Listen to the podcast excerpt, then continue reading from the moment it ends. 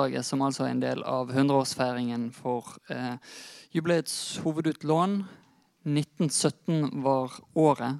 Samme år kom eh, en av bøkene som har eh, satt størst avtrykk i eh, norsk litteraturhistorie.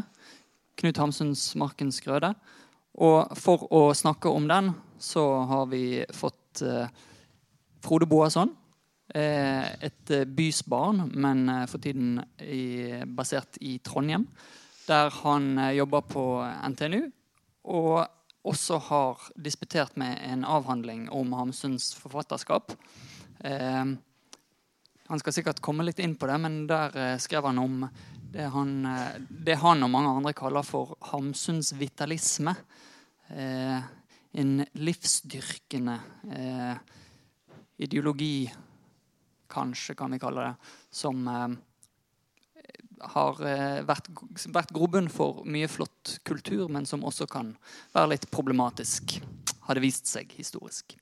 Eh, Frode har eh, gjort et stort og viktig arbeid eh, knyttet til Hamsun. Og er virkelig en av, av, landets fremste kjennere av dette forfatterskapet. Og han har gjort et, også et stort arbeid knyttet til mottakelsen av Hamsun sin, eh, sine bøker i hans samtid. Et eh, pionerarbeid, særlig da mottakelsen i, i utlandet også. Eh, og vi er veldig glad for at eh, Frode har kommet hit for å holde dette, dette foredraget. Eh, og da gir jeg ordet til han. Takk.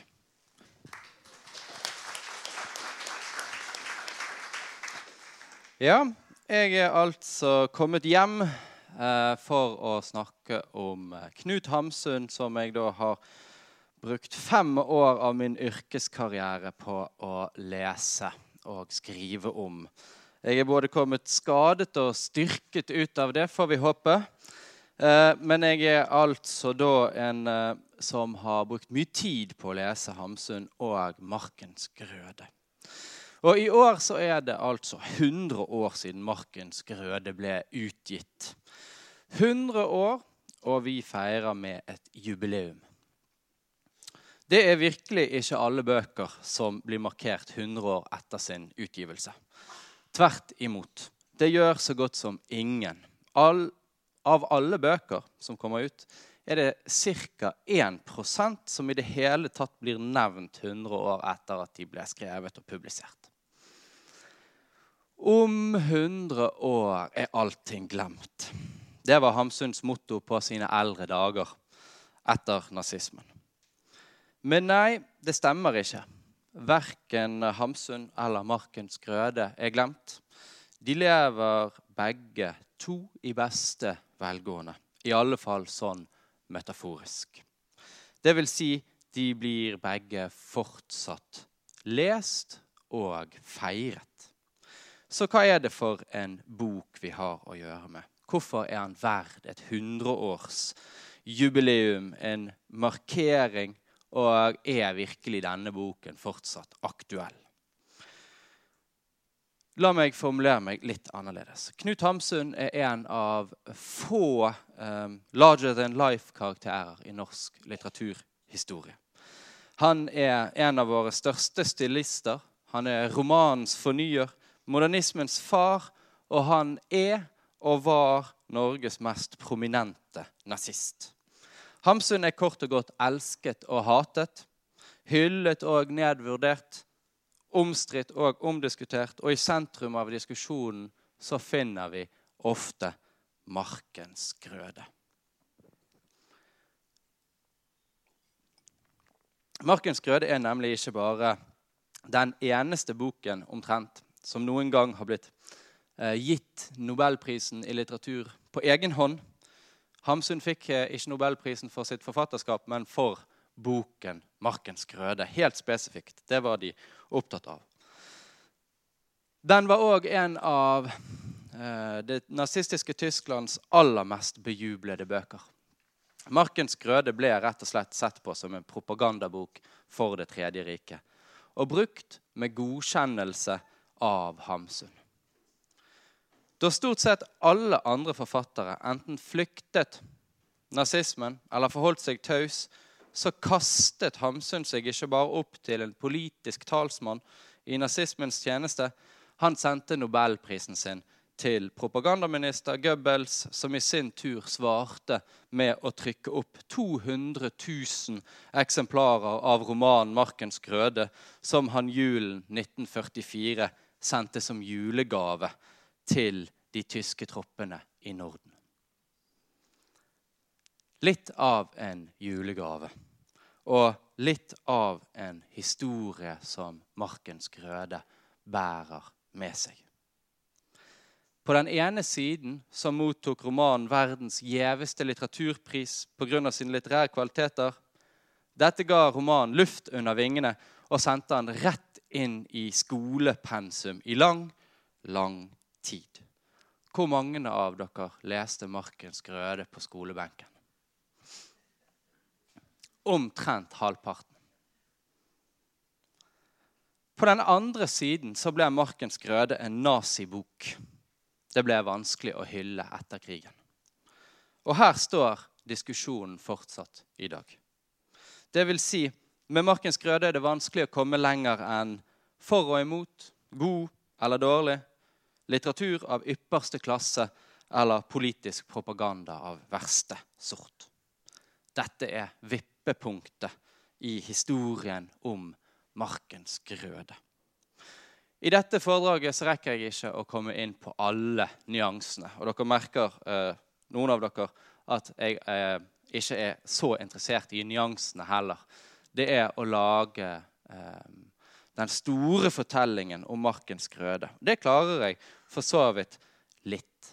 Et slags overblikk kan jeg gi i løpet av denne, eh, dette foredraget. Og det gir følgende program for det jeg har tenkt å gjøre. Først så vil jeg si litt om Hamsun og hans tid, for å gi litt kjøtt på beinet for å forstå forfatteren, og eh, hvem og hva vi egentlig har å gjøre med.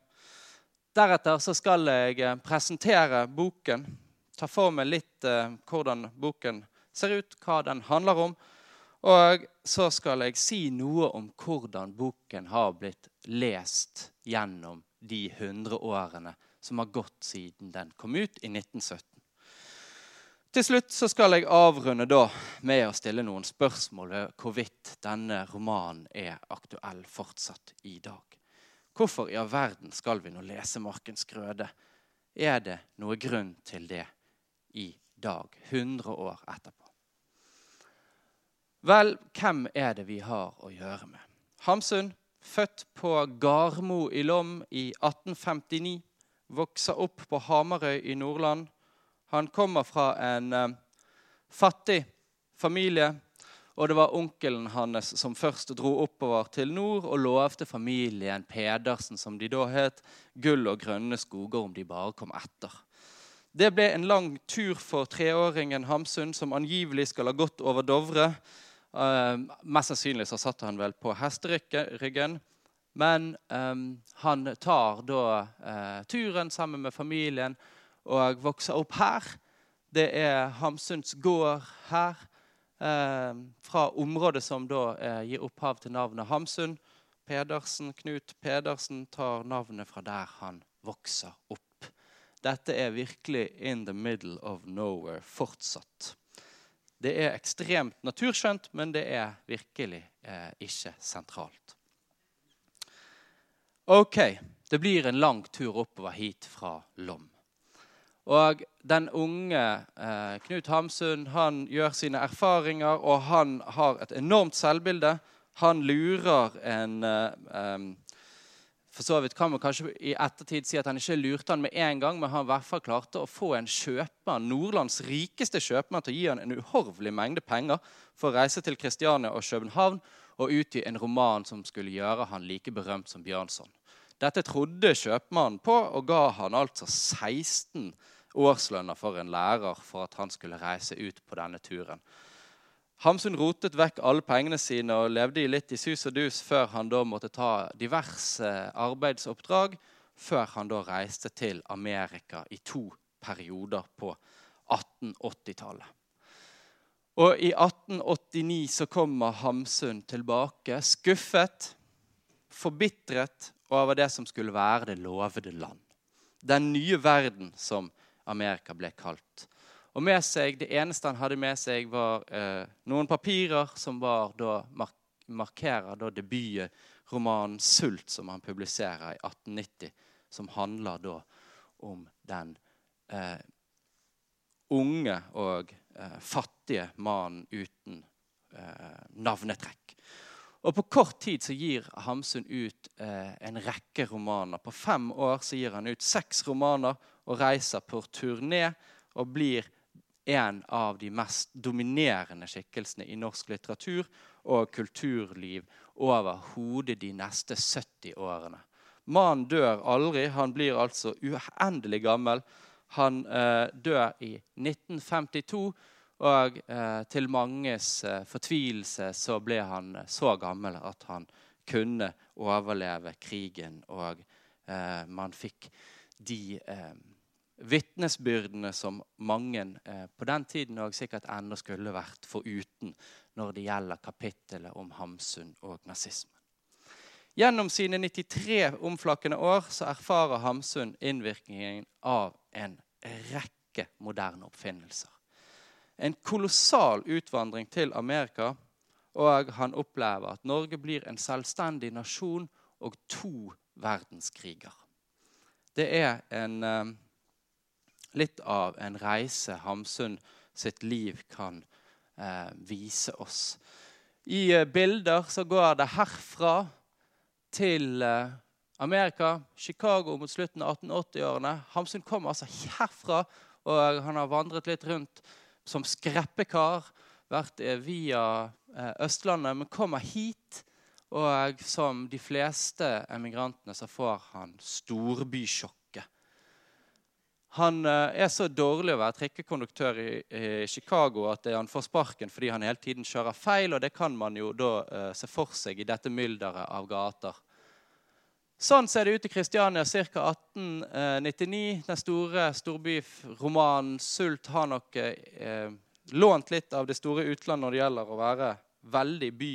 Så, så by var faktisk ikke Kristiania, som det virker som. Men det begynte å bli ganske mye mer eh, urbanisert. Fra Nordland til Amerika. Fra et jordbrukssamfunn til et industrisamfunn. En ny arbeidshverdag og en ny samfunnsklasse vokser frem. Fra naturskjønne omgivelser og eh, et, eh, et uh, liv i pakt med naturen. Dette er vel også bildet. Isedal preger vel også den nye vestlandsromanen, vil jeg tro, til Erlend O. Nødtvedt. Og hit så går vi da over til eh, det berømte Munchs eh, bilder fra Karl Johan. Dette er så å si polemisk fremstilt Hamsuns virke og liv fra bygden til byen og den periodiseringen vi ser i litteraturhistorien. Og Hamsun da som en som erfarer det som Munch blir så berømt for, nemlig den eh, eksistensielle krisen som viser hva som tydelig står på spill i denne perioden. Mennesket som føler seg fremmed i en eh, gammel verden som hadde vært fortrolig, som mannen hadde vært fortrolig med, men som nå er blitt fremmed for det moderne mennesket. Moderniteten, industrialismen, maskinen, kapitalismen var ikke bare fascinerende for Hamsun. Den var, skriver han, angsten med svett panne. Hamsun opplever altså noen av historiens sannsynligvis raskeste og mest dyptgripende samfunnsendringer. Og i forfatterskapet så finner vi spor etter mange av dem. Særlig i Markens grøde. Markens grøde er nemlig en av Hamsuns mest historiske romaner. Det er iallfall min påstand. De fleste som skriver om Hamsun, sier at den er helt løsrevet fra historien. For man ser jo ingenting av historien. Det er jo bare et ødeland der ute som Hamsun har plassert sin Isak. Men jeg tror at denne romanen eh, best lar seg lese som en av Hamsuns mest historiske. Og For å forstå den så tror jeg at det er særlig to faktorer vi ikke kommer utenom. Nemlig utvandringen til Amerika og første verdenskrig. I årene mellom i årene mellom 1836 og 1915 utvandra det ca. 750 000 nordmenn. Så det gikk opp for meg dette tallet, så holdt jeg på å gå i bakken. 750 000 nordmenn reiser altså i Hamsuns eh, periode fra 1836 til 1915. Bare i den siste store utvandringsperioden i Norge så reiser det mellom 1900 og 1910 20 000 nordmenn hvert år. Hvert eneste år. Hadde disse tallene vært i dag, så hadde vi alle ikke bare kjent noen, vi hadde visst om en hel haug som reiser. Tenker vi på at i denne perioden så hadde Norge ca. to millioner i folketall, så er det altså helt absurd hvor mange som reiser. Vi har flyktninger og innvandrere i vår tid. Men dette er faktisk ikke lenge siden den perioden vi snakker om. Tre-fire generasjoner bak i tid. Gamle um, onkler, grandonkler og uh, den rike onkelen i Amerika var faktisk helt uh, reell. Nordmenn reiste i hopetall, og veldig mange pga. fattigdom, nød og matmangel, men de aller fleste pga. muligheten i en ny verden. De søkte lykken. Fattige men uten fremtidsutsikter. Altså det vi i dag nedsettende omtaler som lykkejegere. Vi snakker enorme tall. Litt lite for dere som sitter bakerst, men det viser en utvandringsstatistikk i prosent. 40% og mer. Disse områdene, disse kommunene i Norge hadde mer enn 40% av folketallet som reiste. Tenk at 40% av Bergens befolkning skal være reist til eh, Amerika de neste eh, 70 årene. Det er, helt, det er nesten ikke til å forstå. Vi var eh, fattige den gang. Det er i hvert fall ikke lett å forstå eller forestille oss i våre dager. Det var rett og slett lite mat. Man dyrket opp enhver liten flekk der man kunne gro. Hvis vi reiser langs fjordene våre, så ser vi at det de dyrket alt mulig oppe i eh, der, ikke, der, ingen kunne tro at noen kunne bo. Det var i denne perioden de fant ut at der skulle de prøve å dyrke seg eh, litt land. Og dette er naturligvis et politisk problem. En nasjon der det flykter og reiser eh, så høye prosentandeler av befolkningen, er ikke særlig levedyktig. Denne debatten ser vi overalt, og Hamsun deltar i denne perioden. Han fremholder gang på gang at det å bryte opp myrer og nye jordbruksområder i Nordland er et bedre alternativ enn å reise til Amerika. Man skulle reise nordover, ikke vestover. I 1910 så gir han ut en artikkel 'Ett ord til oss'. Et ord til oss. Vi skal få hendene opp av lommene igjen og begynne å arbeide. Så blir vi ikke et helt folk av hotellverter og oppvartere. Det var eh, Sveits. De eh, gjorde ingenting annet enn å leve på turisme. Og det var for Hamsun helt forkastelig. Vi skal tappe våre myrer, plante skog, kolonialisere det veldige Nordland. Så får vi en stans i utvandringen. Vi skal dyrke opp Norges land. Dette står på trykk noen få måneder etter at dikterhøvdingen Bjørnson var død. Og Det Hamsun gjør, er å kaste seg opp, eller i hvert fall forsøke å kaste seg opp og ta over dikterhøvdingens plass. Han vil være den nasjonalpolitiske talsmannen som Bjørnson hadde vært. Og han i Bjørnsons ånd begynner å uttale seg på vegne av nasjonen. Hamsun mente at når Bjørnson taler, så tier nasjonen. Og det er det han da eh, prøver å gjøre etter 1910. Og han skriver lassevis med jordbruksartikler. Ifølge Hamsun så hadde ikke nordmenn råd til å urbanisere alle menneskets livsområder, og med det som han skriver, hoppe apekatt i det moderne liv.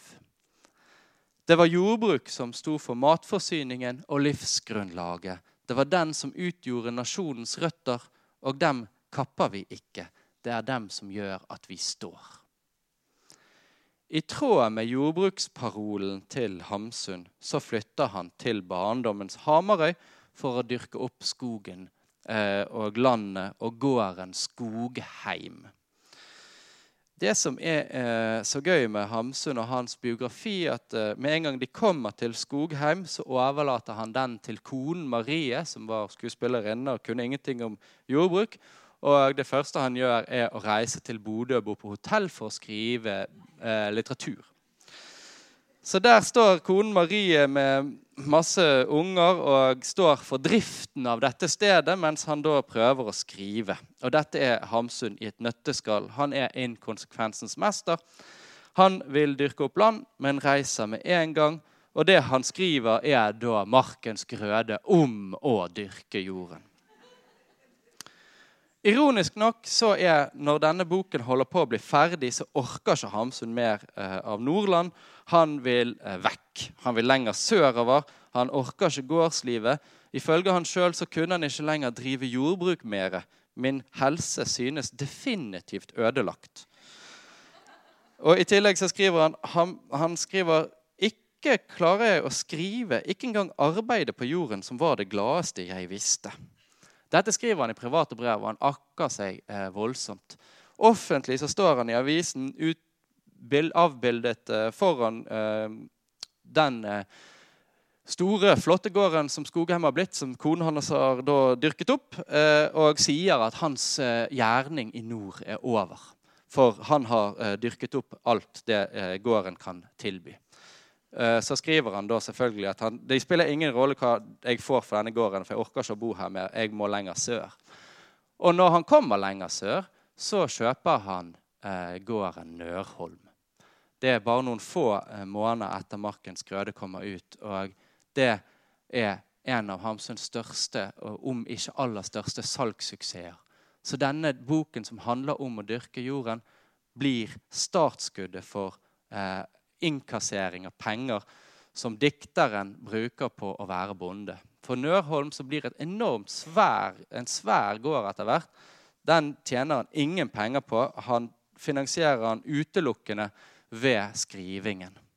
Men det er dikter og bonde. Det er livsprosjektene til Hamsun etter hvert. Og det er mot denne bakgrunnen jeg skal gå inn i markens grøde. Det er rett og slett en bok som henvender seg til sin tid, dette. Den er, som Hamsun formulerer det, en bok til min norske samtid. Og i brev så utdyper han at Markens grøde skulle være et varsku til mitt slektsledd, og at han ville tjene en god sak. I tillegg, mer tydelig kanskje en forfatter sier det, det var litt mer enn litteratur jeg ville frembringe i den.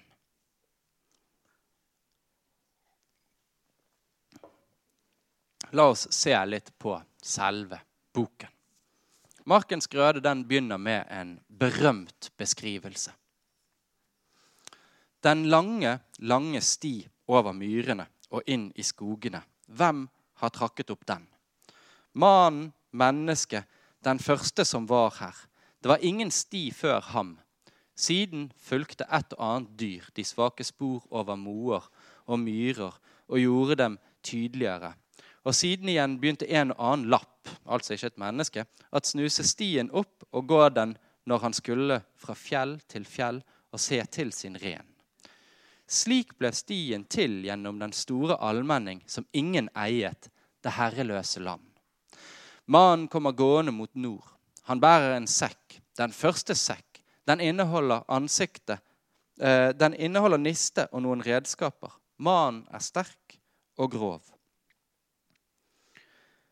Han har rødt jernskjegg og små arr i ansiktet og på hendene. Disse sårtomter, har han fått dem i arbeide eller strid? Han er kanskje kommet fra straff og vil skjule seg. Han er kanskje filosof og søker fred.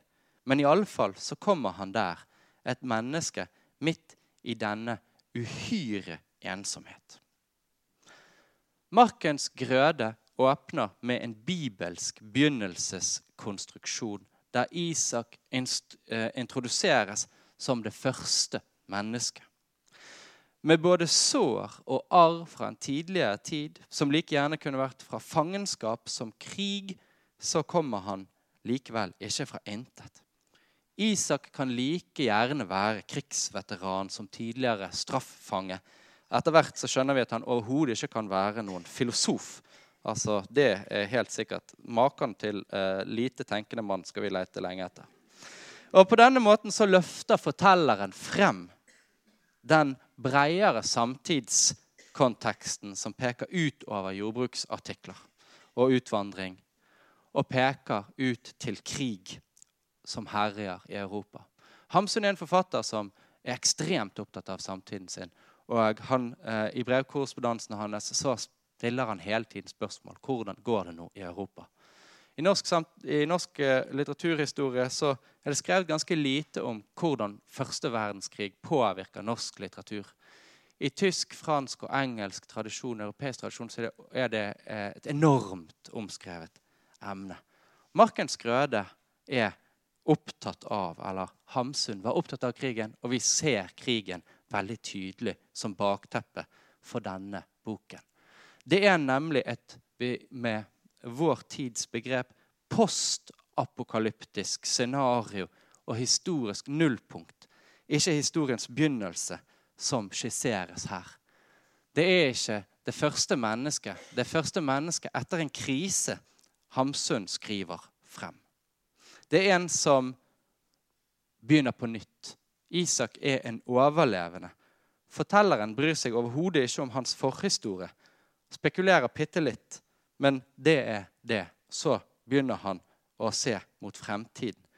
Det kommer en tilsynelatende umerket kar fra sivilisasjonen ut i ødemarken og starter det som skal bli en eh, kolonialisering av jorden det som skal være det nye selvanrå.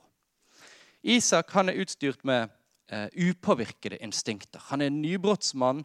Han har, helt, eh, altså han har så nydelig intuisjon. Han vet alt om naturen. Og selv om han bærer den første sekk, så er den ikke tom.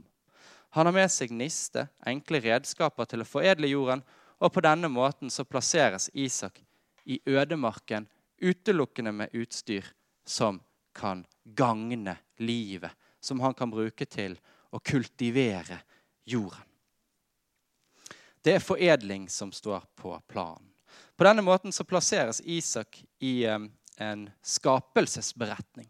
Det er en skapelsesberetning Hamsun eh, skriver. I tråd med det bibelske navnet Isak så blir han også stamfar for en ny slekt. Dette betones flere ganger, men kommer særlig til uttrykk mot slutten av romanen, hvor det heter at Isak er den første mann i marken. Han kom gående til knes i myrer og lyng. Han fant i en, eh, fant i en li å bosette seg der. Andre kom etter han. De trampet en sti i den øde allmenning. Atter andre kom. Stien ble vei. Nå kjørte de med kjerre på den. Isak må føle seg tilfreds. Et rykk må gå gjennom han av stolthet. Han var grunnleggeren av denne bygd. Han er markgreven. Isak er markgreven, den som grunnlegger Sellandrå. Og i kontrast til den moderne bysivilisasjonen så reiser dette samfunnet seg som en livskraftig kultur. Sellandrå blir et motbilde til den moderne sivilisasjon og urbaniseringen i samtiden. Dette kommer til uttrykk gjennom hele romanen. På Sellandrå så vokser alt. De få som reiser til byen, de blir enten impotente, eller så eh, blir de ufruktbare, eller så mister de alt av eh, manndommen sin og reiser til Amerika, sånn som eh, Eliseus, den eldste sønnen, som da ikke blir Han blir bare forkvaklet og reiser til eh, Amerika til skrekk og advarsel for alle som skulle finne på å tenke i de baner. Det Motbildet vi får, er selvandrå. Alt her har sitt eget mål. å foredle og videreføre livet og slekten. Og det er jorden som gir liv og grøde, ikke industri og sivilisasjon. Slutten av denne romanen den eh, viser dette direkte. Det er en eh, spennende karakter som heter lensmann Geisler, som holder en tale som han henvender seg til omtrent til leseren, og sier, når han snakker til Isaks sønn eh, Sivert, ta dere sellandråfolk. Dere ser hver dag på noen fjell. Det er ikke oppfunnet tingester. Det er gamle fjell. De står dypt nedsunkne i fortid. Men dere har dem til kamerater. Dere går der sammen med himmelen og jorden og er ett med dette vide og rotfestede. Dere behøver ikke sverd i hånden. Dere går livet barhendt og barhodet midt i en stor vennlighet. Se, der ligger naturen. Den er din og dines. Mennesket og naturen bombarderer ikke hverandre. De gir hverandre rett. De konkurrerer ikke, kappløper ikke etter noe. De følges ad. Sellandråfolket lever ikke i kunstige omgivelser. De lever i naturens fred. De har både røtter og en høy himmel over seg. Men viktigst de trenger verken sverd eller våpen, og som det står her Ingen her bombarderer hverandre. Tvert imot så går de barhodet og barnevet i verden.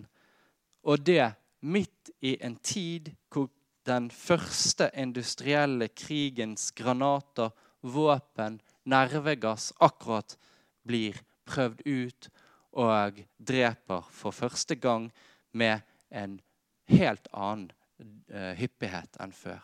Så første verdenskrig er den første industrielle krigen hvor man finner opp alle de eh, våpnene som virkelig, virkelig gjør skade.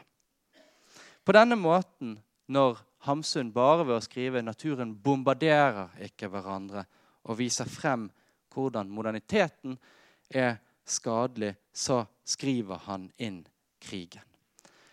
Krigen ble forstått, første verdenskrig ble forstått og markerte den fremste effekten av moderniteten rundt 1917. Markens grøde er rett og slett kort og godt det eneste virkelige forsøket i Hamsuns forfatterskap på å etablere et positivt moteksempel til den historiske virkeligheten som man så rundt seg. Dette eksempelet er selvfølgelig Sellanrå, som det står mot slutten. Vokser her intet, her vokser alt. Mennesker, dyr og grøde. Isak sår, kveldssolen skinner på kornet. Det stritter ut fra hans hånd i bue og synker som en gulldryft i jorden. Der kommer Sivert og skal harve. Siden, han, siden skal han rulle, så harver han igjen. Skogen og fjellene står og ser på. Alt er høyhet og velde. Her er sammenheng og mål. Selvanrå og det naturlige bondelivet i pakt med naturen forstås altså som en slags løsning på det moderne, på den moderne krisen. Noe som fremheves ytterligere ved at det to ganger heter at det er 32 000 slike karer som Isak vi skulle ha her i landet. Isak er, står det, 900 år gammel og igjen dagens mann. Isak og Inger bereder grunnen for et nytt samfunn. I tillegg til at de får mange barn og dyrker opp jorden, så følger det mange andre etter de i marken. Det blir vei. De til og med har modernisert landbruk. De får skolekrets. Og der vi begynte å lese om en mann i ødemarken, er det en hel grend vi forlater ved romanens slutt. Markens grøde kan på denne måten eh, leses i forlengelsen av Bjørnsons bondefortellinger. Da Synnøve Solbakken feiret 50-årsjubileum Den gangen var det 50-årsjubileum. Det ble også feiret i 1907. Eh, altså så har Synnøve Solbakken 150-årsjubileum i år. Da holdt Bjørnson tale. Sa jeg 150? Det blir jo 160. Beklager.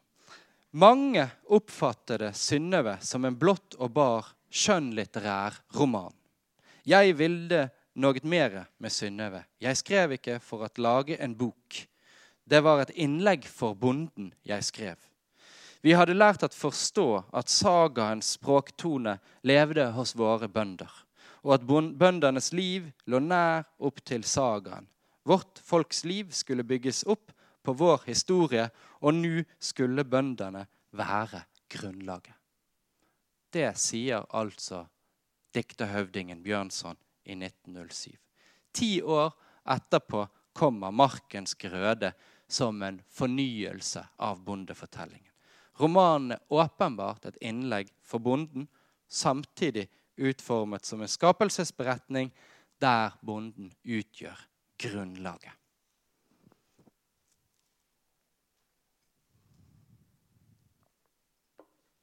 Da romanen kom ut, så var norske kritikere lunkne.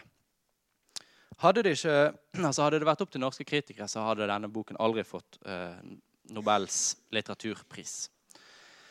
Det vil si lunkne. Det var jo Hamsun. Og Hamsun skrev da, som nå, langt bedre enn de fleste, men det var et men. For kritikeren Aksel Otto Normann i VG så var eh, Veldig lite for dere, da, men Hamsun var blitt mindre glitrende og mer ensidig. Han var som et barn når han kommer ut i den nye tid som stormer på, skriver Aksel Otto Nordmann i Verdens Gang. Den radikale kritikeren Knut Olai Tornes hevdet i avisen Ny Tid at Hamsun ville citat, 'mer enn kunst'. Han har villet være profet og mente at kunsten bar fram et godt stykke, men at citat, profeten er der også, og profeten er ikke fri for snakkesalighet som profeter pleier. Den konservative kritikeren Seya Hambro leste på sin side 'Markens grøde' som en puslekunst som nesten gjør en litt vemodig når man minnes den tid da mesterskapet ikke var så stort, men jernet var lettere at gløde. Og han peker på, Hambro er en flott kritiker. Han begynner å, å gi eh, Hamsun motgang som kritiker i 1913. Og Han peker om igjen og om igjen på Hamsuns ømme punkt. Nemlig at når han var ung og full av kraft, så hadde han, eh, som han skriver om i Pan, at jernet er eh, lette og gløde. betyr at det er eh, mye kraft der. Men det han peker på at Hamsuns mesterskap som forteller, er eh, virtuost, men at det ikke er så mye annet. Og det er eh, en gjenganger i norsk kritikk. Han er ikke like stor som han en gang var, denne Hamsun. Men derimot så kommer trønderen Fernanda Nissen. Hun er også en nydelig kritiker. Og i den radikale avisen Sosialdemokraten så går hun helt fra skaftet. Var jeg prest leste jeg Markens grøde fra prekestolen. Var jeg lærer, jeg leste den fra kateteret. Heldigvis er her tusener av voksne mennesker rundt om i landet som selv vil lese den, vil le ofte, forarges under tiden og til sist suges inn i dens lukt av jord og løftes opp i dens høyhet og velde, dens sammenheng og mål. Dette ser dere også i dag når gode kritikere skriver at de stjeler eh, forfatterens eget språk. Og her bruker hun til og med forfatterens eh, formulering at det er sammenheng og mål i boken. Ifølge Fernanda Nissen så holdt samtiden med rivende fart og stor og merkelig dyktighet at bringe vårt land fra det trygge og samfunnssammenhengende opp i det usikre og opprevne. Og mot denne utviklingen så holder kritikeren frem 'Markens grøde' som et læredikt, hvor hun med romanens egne ord vektlegger at det er sammenheng og mål på Sellandrå. 'Markens grøde' kommer ut i Tyskland med den bibelske tittelen 'Segen der Erde', altså jordens velsignelse.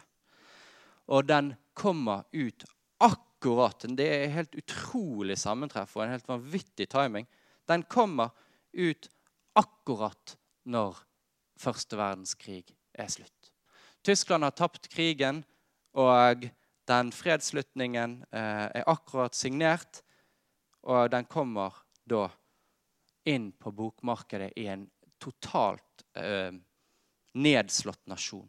Og I Tyskland så var ikke krigen en metafor eller noe man snakket om. Den var reell, konkret, og hadde akkurat hjem, sendt hjem over åtte millioner krigsinvalide. Nærmere seks millioner barn ble foreldreløse som følge av krigen, og anslagsvis tre millioner opplevde hvordan fedrene døde hjemme av sykdommer de hadde pådratt seg ved fronten. Av disse tallene er over to millioner døde tyske soldater. Det fantes knapt én eneste familie som ikke erfarte virkningene av krigen på kroppen. I denne situasjonen er det Markens grøde kommer i Tyskland. I denne situasjonen forstås romanen som akutt aktuell.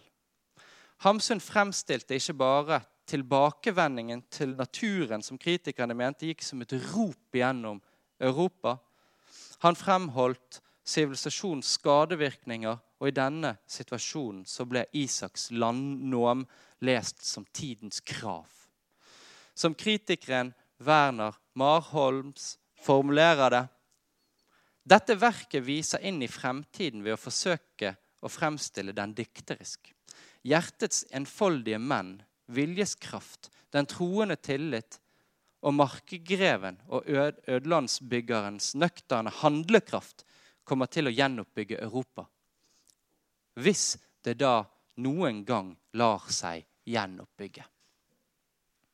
Marholt gjør tydelig eh, her eh, hvordan Markens grøde lot seg lese som en postapokalyptisk roman, og hvordan Isak i dette perspektivet bokstavelig talt lot seg forstå i tråd med romanens egne ord om at han var dagens mann.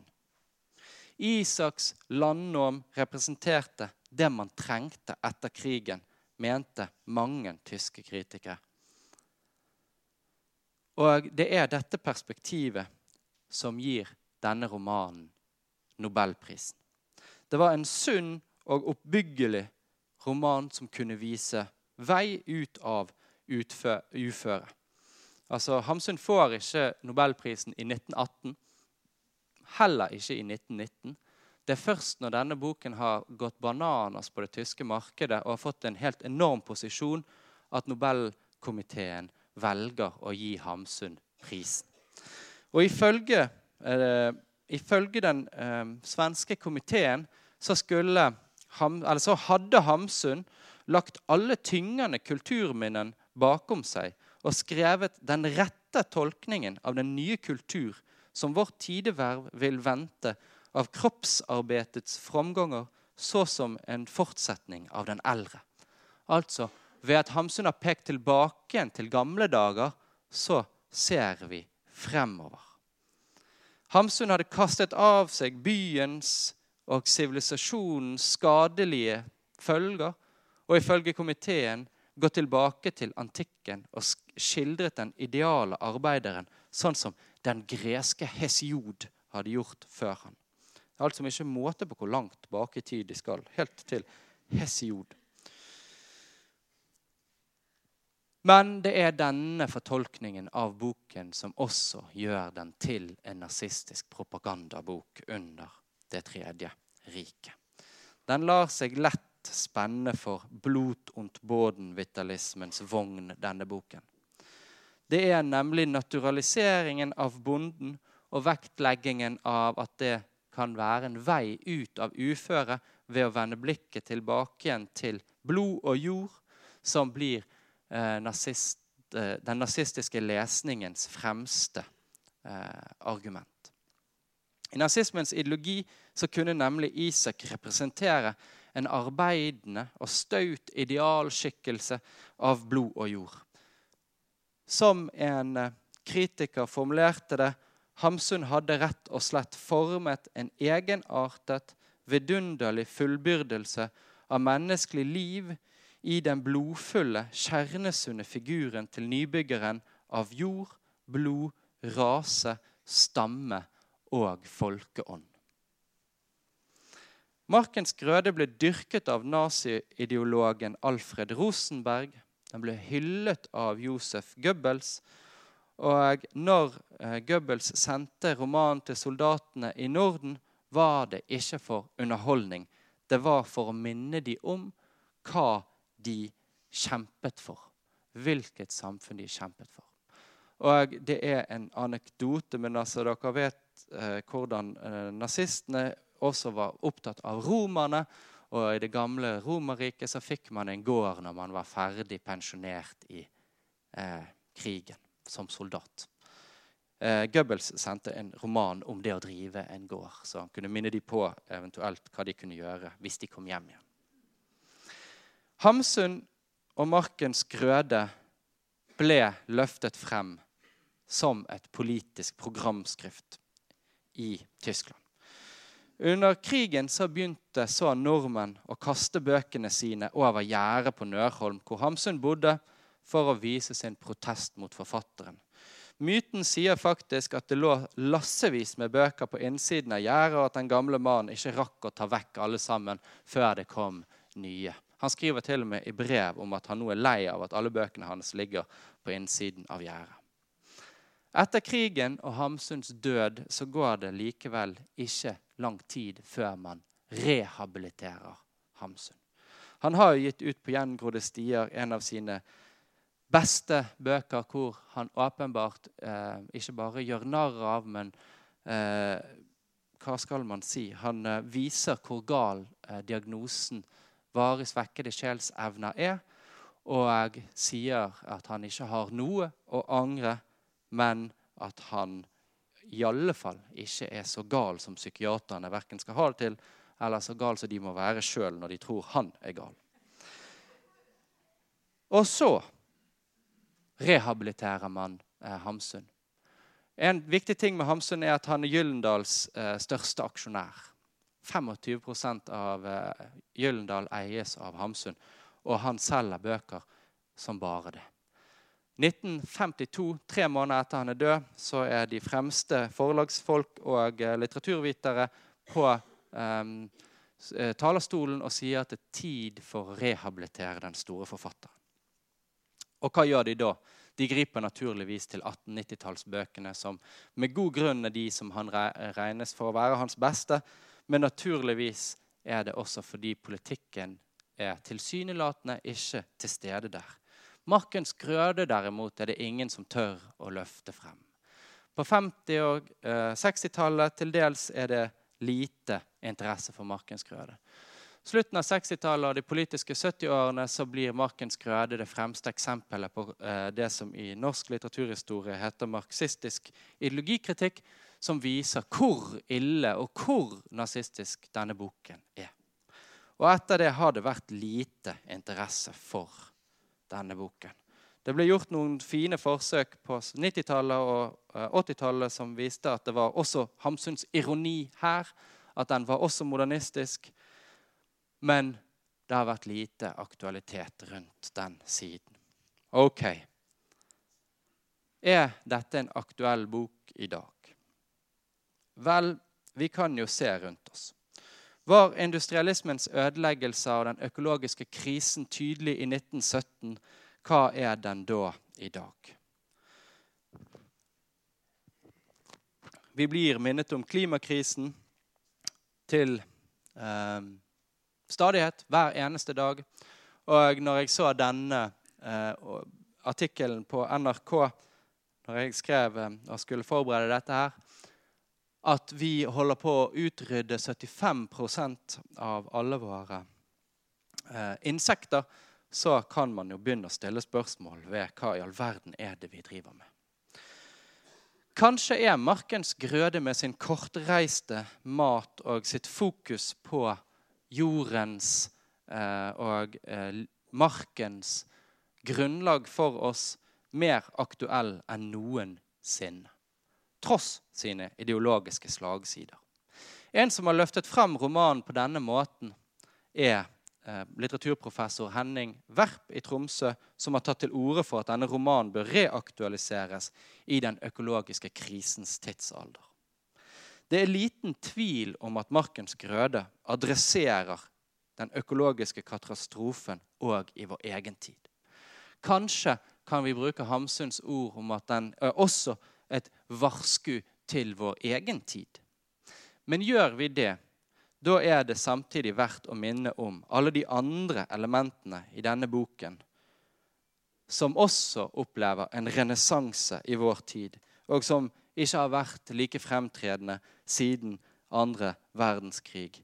Nemlig politikken og den revolusjonære ideologiske holdningen vi finner igjen.